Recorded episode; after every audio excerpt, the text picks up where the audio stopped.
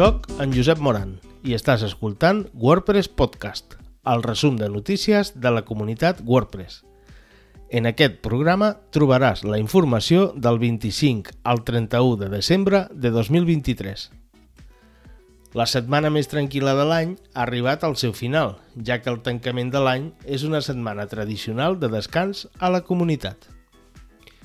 Però això no impedeix que alguns equips hagin continuat treballant i publicant alguns resums del que ha donat de si el 2023 i del que vindrà el 2024.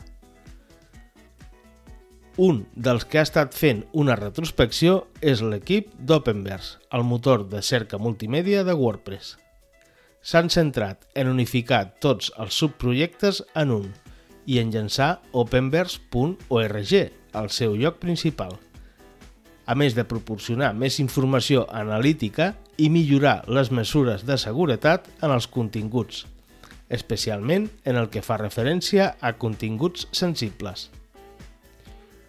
Tot aquest treball ha tingut 25 col·laboradors, més de 1.500 tíquets, s'han afegit 7 nous proveïdors de contingut superant els 750 milions d'imatges i els 3 milions d'àudios afegits. Què veurem el 2024? Sobretot, millores en quant a l'experiència d'usuari i la qualitat dels resultats, tot ampliant dia a dia les fonts de dades. Un altre equip que ha fet un resum és l'equip de temes, on podem conèixer que s'han afegit més de 1.400 temes nous, dels quals 300 han estat de blogs. Tot això gràcies a la col·laboració de 15 revisors de temes. Encara que els canvis més visibles de WordPress els tindrem a l'editor, principalment a l'editor del lloc, on s'ha posat més treball al 2023. Per començar, tenim la paleta de comandaments que ens permet moure'ns amb més facilitat i sense haver de fer tants clics per les diferents pantalles de l'edició. Una altra de les novetats ha estat el llibre d'estils, aquesta secció on podem veure un exemple de tots els blocs i veure com queden, a més de poder fer modificacions generals o particulars per deixar el lloc perfecte. Una de les eines ocultes és la de dreceres d'estil, i és que no només podem copiar i enganxar els blocs d'un contingut a un altre o d'un WordPress a un altre, sinó que, a més, podem copiar l'estil que té per mantenir-lo exacte. I per aquells que no volen menús ni molèsties, ha arribat el mode sense distraccions, que et deixa l'editor en un mode de pantalla completa amagant menús i eines perquè puguis treballar com si estiguessis al frontal del teu lloc.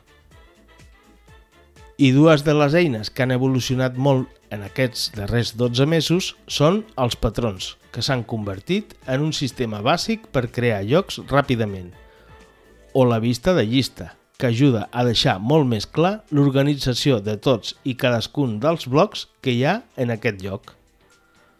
Tot i així, sense cap mena de dubte, si hi ha alguna cosa que serà representativa d'aquest 2024 és la continuació del projecte de tutories, que arriba amb la seva segona edició.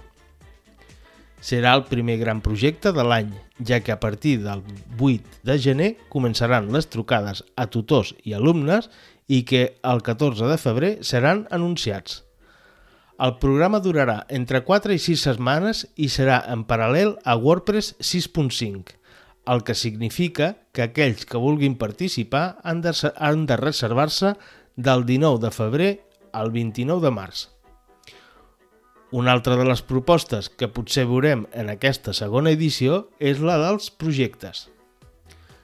L'objectiu d'aquest sistema, que s'aplica en altres projectes de codi obert, és formar a un alumne però amb un objectiu o projecte concret en què poder centrar-se i aprendre. Un parell d'exemples proposats són la creació de temes comunitaris o la creació de cursos entre diverses persones per Learn WordPress. Aquests projectes han de ser curts en temps i durar unes 4 setmanes. Han de poder ser tutoritzats i amb un benefici general per a la comunitat i com que és per als alumnes, ha de ser alguna cosa relativament senzilla. Comença el 2024 i ho fa acompanyat d'una proposta per a aquells que participen a la comunitat i volen explicar-ho i aquells que volen arribar a la comunitat i busquen un objectiu amb què fer-ho. I, per acabar, aquest podcast es distribueix amb llicència EUPL. Tens tots els enllaços per ampliar la informació a wordpresspodcast.cat o seguir el contingut també en espanyol, anglès i francès. Una abraçada i fins al pròxim programa.